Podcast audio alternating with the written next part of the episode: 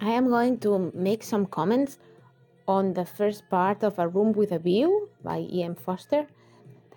And and well, I'm doing this today especially because we are going to have a discussion on Wednesday.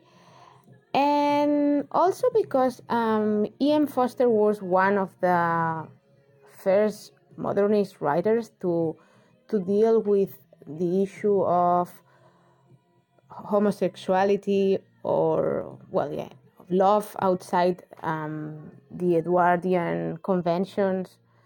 And well yeah um, a kind of um, homage to forster right?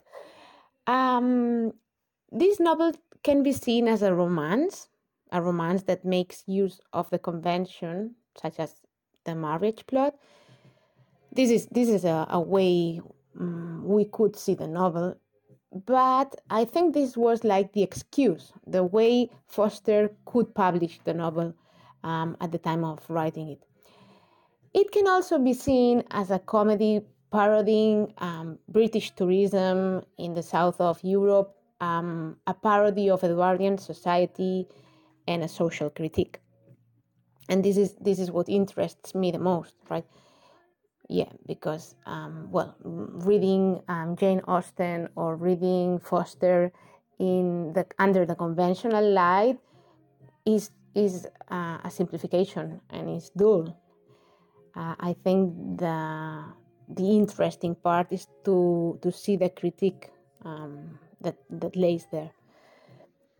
Well the first part of a room with a view takes place in florence in italy um, and there, there is this idea of the grand tour across southern Europe that um, in the 18th century was kind of compulsory for upper class men to do in order to complete their education.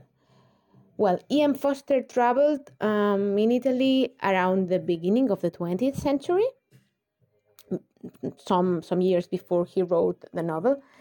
And Practically every scene in the Italian half of the book features some work of art, which actually um, can make us think that this novel is uh, an aesthetics treatise or an essay on art. Um, it is not an essay, it is a novel, but it, it deals with art and it suggests very interesting ideas, I would say um, Forster seems to create or to, to um, put forward two art conceptions. Two art conceptions that could be seen as opposed. Maybe we could, we could, yeah, we could see some connection, but um, in principle they are um, opposed. There is the Leonardesque from Leonardo da Vinci, and there is the Michelangelesque um, from Michelangelo.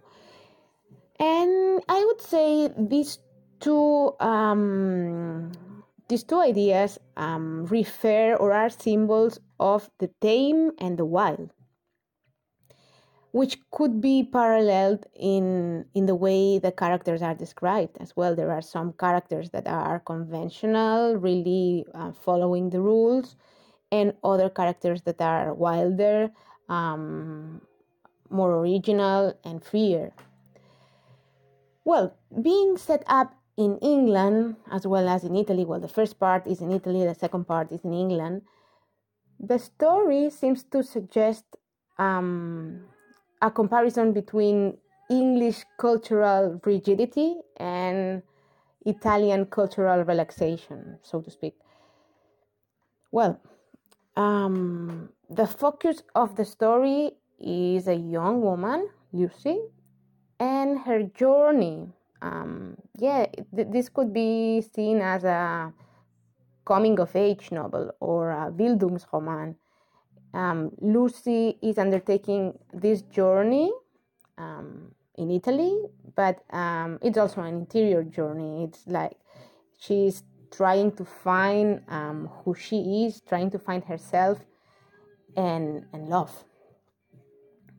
And there are strong social barriers well, there is her aunt, and there are all the conventions, and there is all this British society.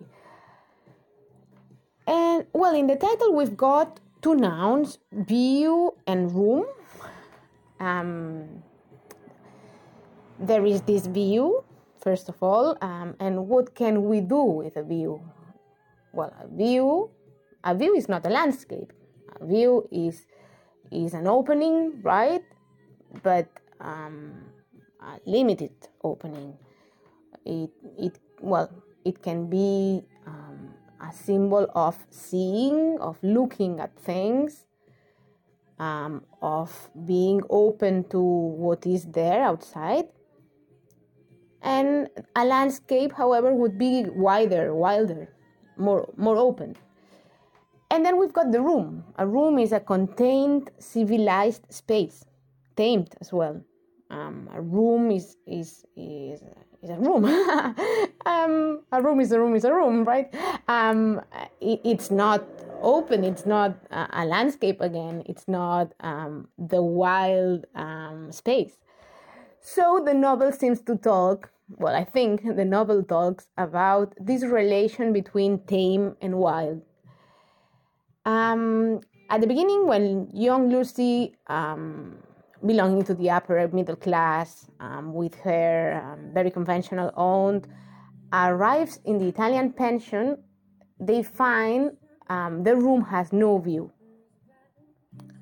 Maybe we could interpret this as um, she comes with all this set of all, all this mindset and all these conventions and and there is no um, alternative for her she has no view um, yeah, I, I, I ask myself, could this be that she has no possibility of seeing the world in a way different to what her education should establish?